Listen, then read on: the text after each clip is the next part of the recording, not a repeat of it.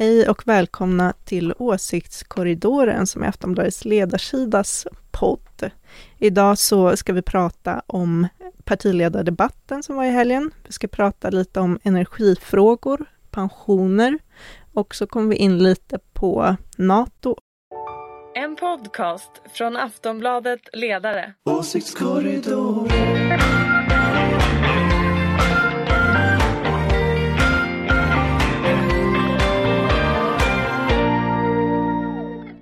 Dåren, podden från Aftonbladets ledarredaktion där vi letar vårtecken i den politiska snödrivan. För mig är det lite speciellt idag. Eh, kvällen innan den här podden spelades in lyckades nämligen Degerfors äntligen vinna i årets allsvenska. Det var på tiden. Men det är inte det vi ska prata om. Eh, Det är väldigt tur. Ursäkta? Det är väldigt tur. Jag tror inte, i alla fall jag kan absolut ingenting om det. Nej, nej men Jag är rätt dålig på det också, men lyssnarna kanske är superbra. Så att, jag menar, Det tror jag. Och glada. Eh, I alla fall de som inte är från Sundsvall. Eh, Stefan Löfvens lag för övrigt. Eh, som sagt, inte det vårt samtal ska handla om. Vi ska istället prata om politik. Med mig har jag precis som vanligt en panel med några av landets skarpaste politiska analytiker. Trogna lyssnare eh, av den här podden kommer dock att märka att Anders Lindberg saknas. Han är nämligen just nu på äldremässa. Eh, Han så han kan inte 50. vara med. Eh, det är synd för honom. Ja, alltså jag tänkte vi får ta tillfället i akt nu. Alltså, jag har ju suttit många år och, och, och, och pratat med Anders om olika saker. Jag tänker, det är väl idag vi får kanske diskutera hur det kom sig och hur han gjorde den här förflyttningen i NATO-frågan, tänker jag. Du tänker att man kan få besked. Eh, bakom Anders rygg. Exakt, den nya podden. som sagt, trogna lyssnare har redan upptäckt att här finns precis som eh, vanligt Ulrika Schenström, chef för den gröna och liberala tankesmedjan Fores och i den här podden oberoende moderat. Yes, hej, här är jag. Här finns också eh, Lovisa Arvidsson från Aftonbladets socialdemokratiska ledarsida. Det här är din första åsiktskorridoren. Ja men det är det. Kul att vara här. Ja visst är det. Susanna Kierkegaard eh, som också arbetar på den socialdem- eh, oberoende socialdemokratiska ledarsidan på Aftonbladet. Eh, du är också välkommen. Tack så mycket. Och själv heter jag ju precis som jag brukar Ingvar Persson och arbetar till vardags som ledarskribent i Aftonbladet. I den här podden är det ju dock min uppgift att så rättvist jag någonsin kan försöka hålla lite ordning på samtalet. Eh, det går ju sådär. Ja, sådär. Förmätet det där lät. Jag tänkte vi sätter igång direkt. Eh, I söndags hade vi en partiledardebatt i TV, precis som det brukar vara så här års. Eh, och först tänkte jag skulle fråga, var det någon som vann? Susanna? Jag tyckte faktiskt att Märta Stenevi var väldigt bra, så jag skulle säga att hon vann. Eh, hon var väldigt på liksom. Magdalena Andersson var också bra när hon väl pratade, men det kändes inte som att hon högg på så mycket. Men det kanske är lite socialdemokratiskt att mest bara inta någon slags statsminister, liksom att mer tänka att man är lite domare över diskussionen än delta i matchen. Du tänker så? Mm. Ulrika? Jag hade lite svårt, jag har lite svårt att bestämma mig för det, men man kan väl ändå ge Johan Persson en eloge för att ha klarat sin första partiledardebatt. Och jag tyckte han gjorde det ganska bra. Fast det gjorde han verkligen det. Ja, jag Han nog ändå- snubblade på sina Ja, egna men han klarade sig ganska bra 80-talsstövlarna. ändå tyckte jag faktiskt. Det är Det går ju inte så bra för Liberalerna. Och har man den där känslan att allt håller på att gå åt helvete så tycker jag ändå det är ganska starkt att ställa sig där. Han framstod i alla fall som folklig, att han Ja. inte hade så bra koll på någonting som händer i riksdagen eller i debatten. Jag tänker du är, är normalt. Men Man jag av jag skulle vara lite snäll mot Johan faktiskt. Så att, eh, han får en liten specialstjärna. Ja. Är väl ändå de flesta i folket kan inte Liberalernas förslag om pensioner helt utan och innan, så där representerade ju han folket Folket. bra. Mm. Ja, där så kan man, så kan man Så säga. kan man också säga. Eh, den här sortens debatter, är de, är de liksom... Eh, är, det, är det bra?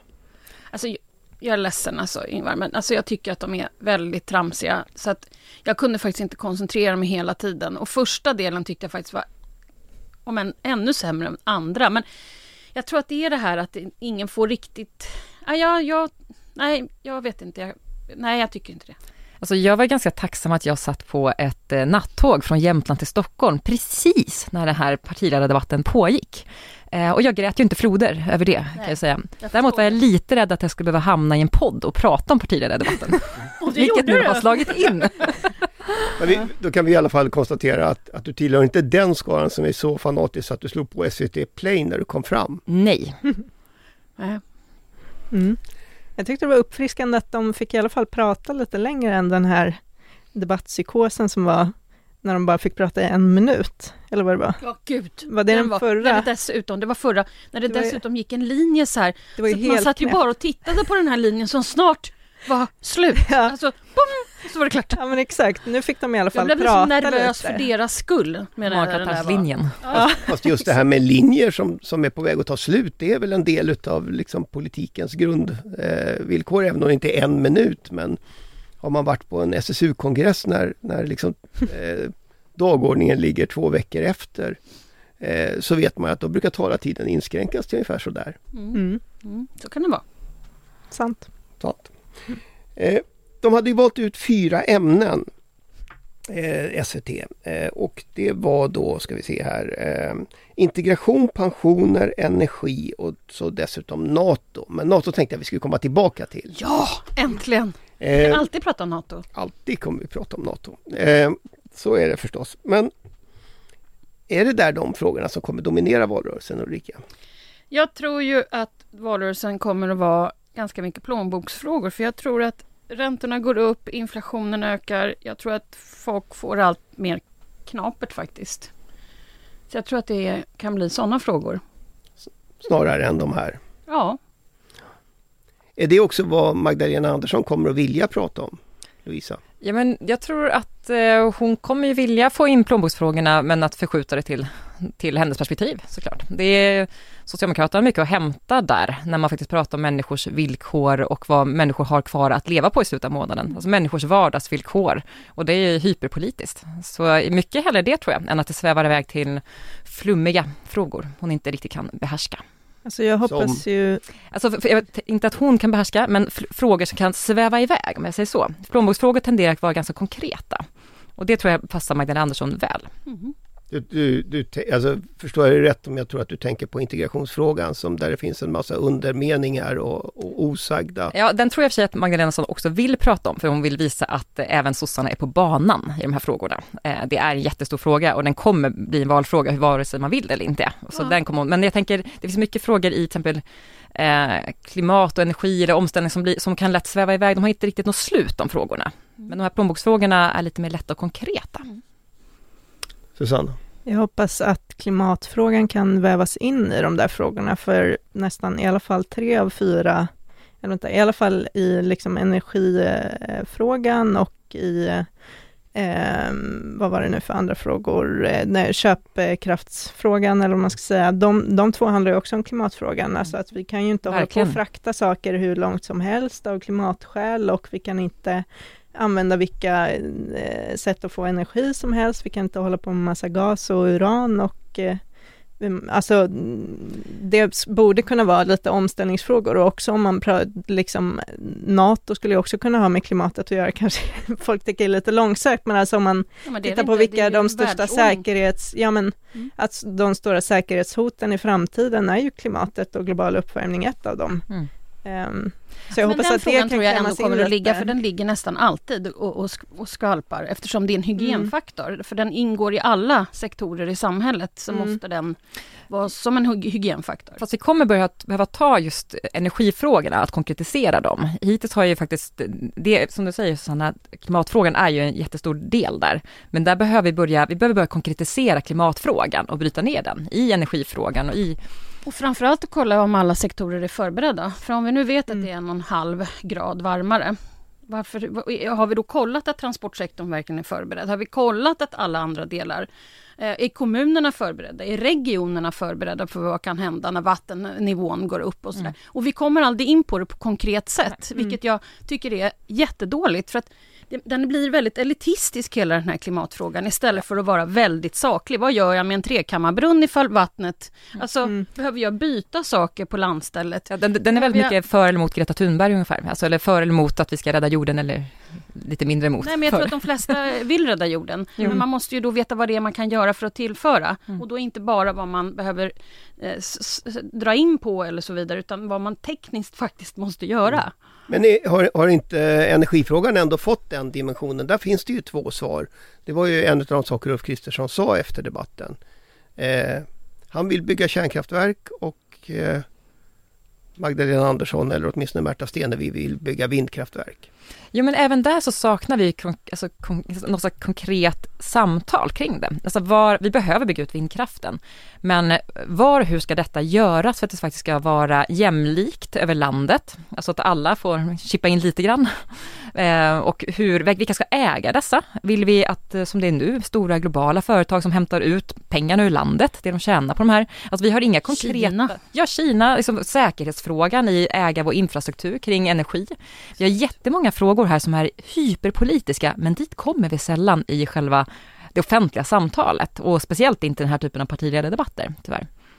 Men det är väl så att... det är därför de där partiledardebatterna blir så... Det, det blir så outhärdligt. Därför att ja, man måste vara expert på alla de här frågorna själv för att förstå vad det är de säger. Mm. Och man hinner oftast inte med dem på en minut, även om du var ganska, du var säkert ganska nära där. Tjup, tjup, tjup. Ja. Nej, men jag, jag tänker, jag har ju, jag har ju liksom eh, följt svensk politik vansinnigt länge. Eh, och, och just energidebatten är ju så häpnadsväckande för den låter ju ungefär som den lät 1976. Mm. Eh, eller 75 eller sådär. Va? Eh, och, så alla de här argumenten är ju innötta sen, sen folk gick i, var med i ungdomsförbund. Ja. Eh, kom, kommer det att fortsätta så eller kommer vi att komma in på de här frågorna som Lovisa tar då, upp? är vi, då kommer vi till den stora frågan som jag jämt tjatar om. Att vad är det för politiker vi har? Om man vill ha politiker som gör någonting, då måste du också ha sådana politiker som verkligen vill förändra och förbättra för andra. Att du inte bara kan räkna till 51 procent och ta in på en lista och sen vill jag ha den här taburetten, den här positionen, utan om man faktiskt vill någonting som ett kall, oavsett politisk ståndpunkt eller, eller så. Men vad vi har just nu och haft under en ganska lång tid, det är 51 procents eh, politikerna.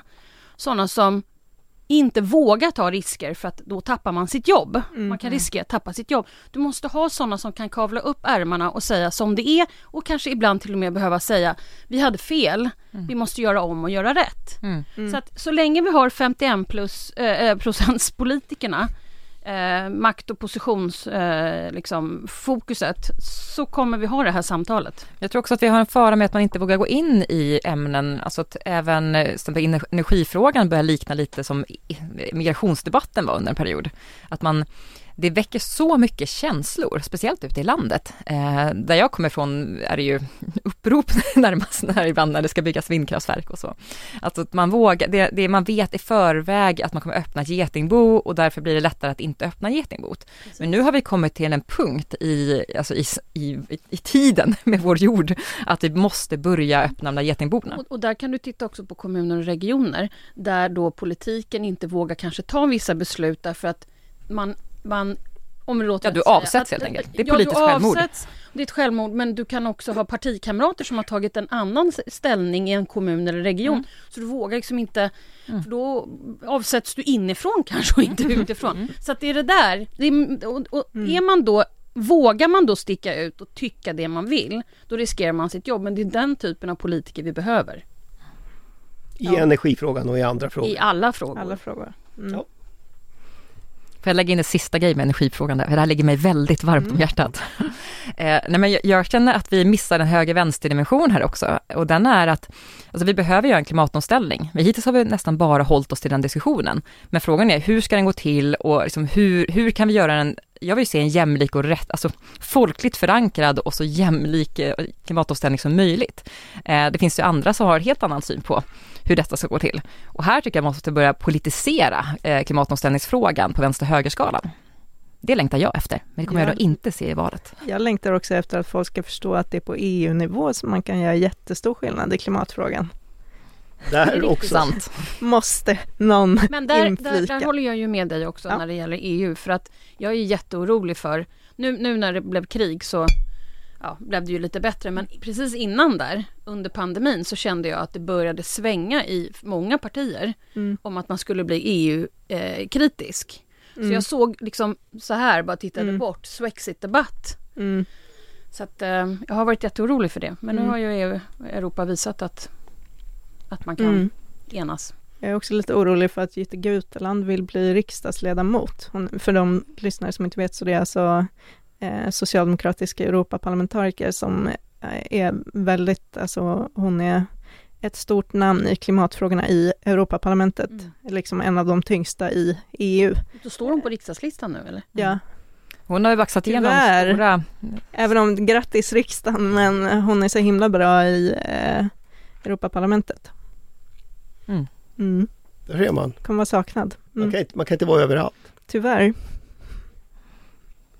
Så ligger det till. Jaha, ja, nej men eh, där, där ser man. Eh, Vi, vi får väl se hur det går med, med alltihopa här. Riktiga politiker. Jag, Ulrika har ju redan sagt det, men jag kan inte låta bli att att, eh, ta det igen då. Alltså, SVT valde ju att inte lyfta upp det här med ekonomin eller plånboksfrågorna.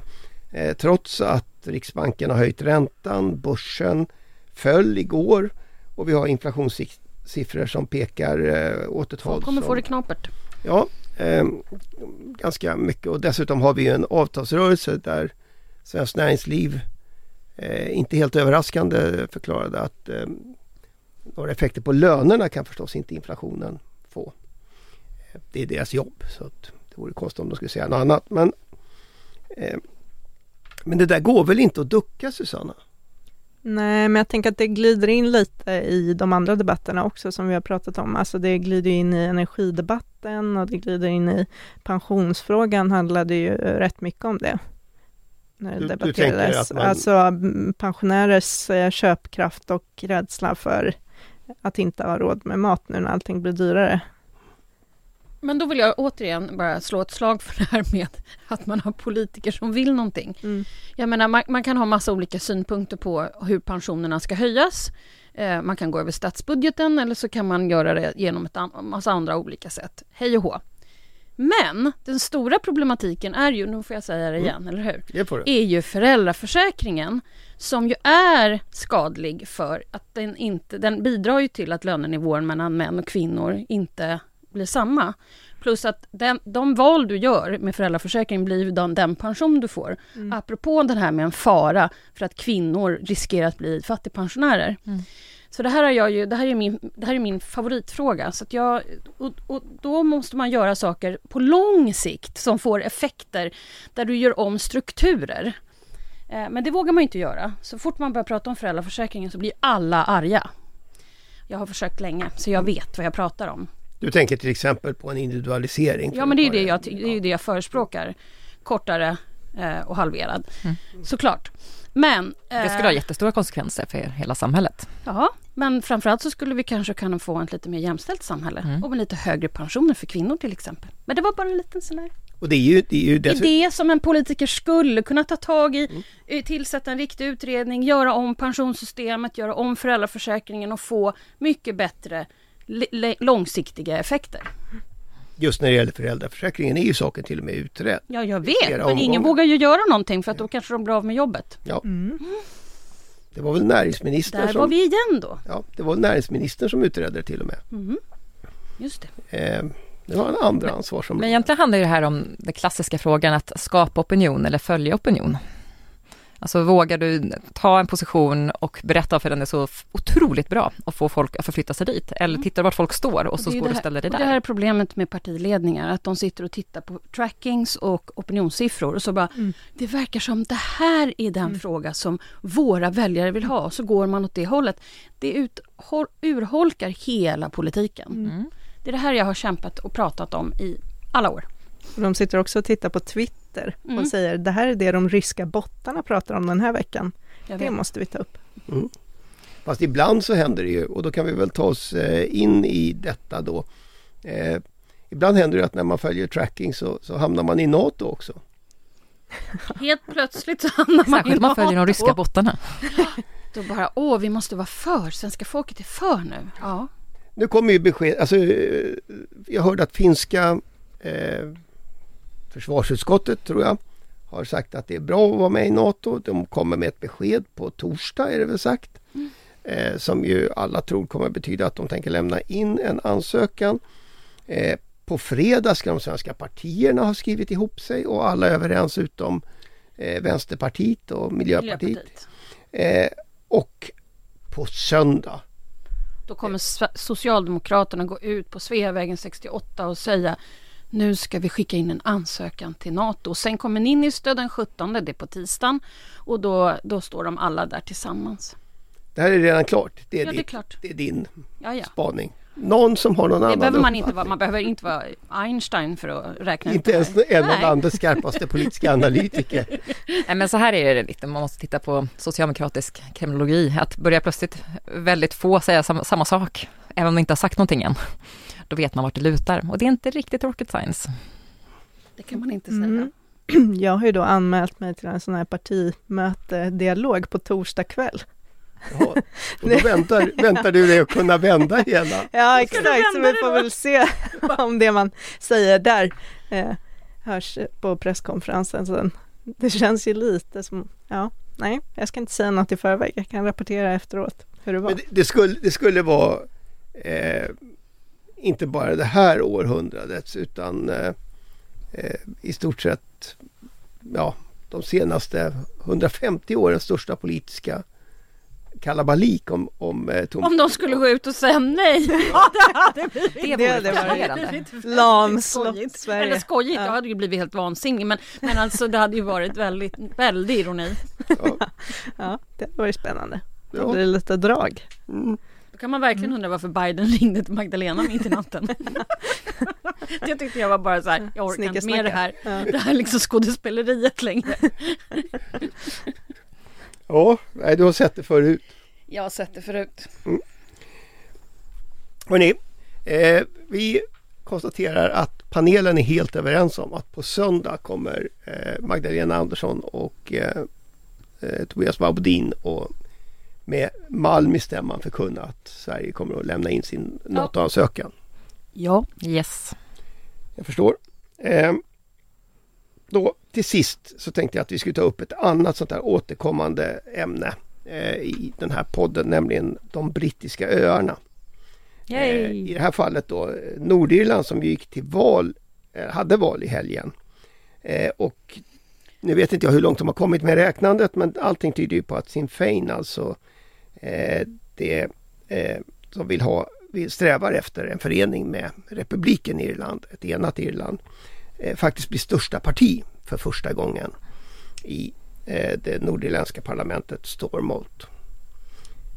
Eh, Samtidigt så är det väl osäkert om det blir någon regering överhuvudtaget eh, eftersom eh, det här samarbetsavtalet går ut, alltså fredsavtalet går ut på att man måste samregera och eh, det där vet man inte om det kommer att fungera.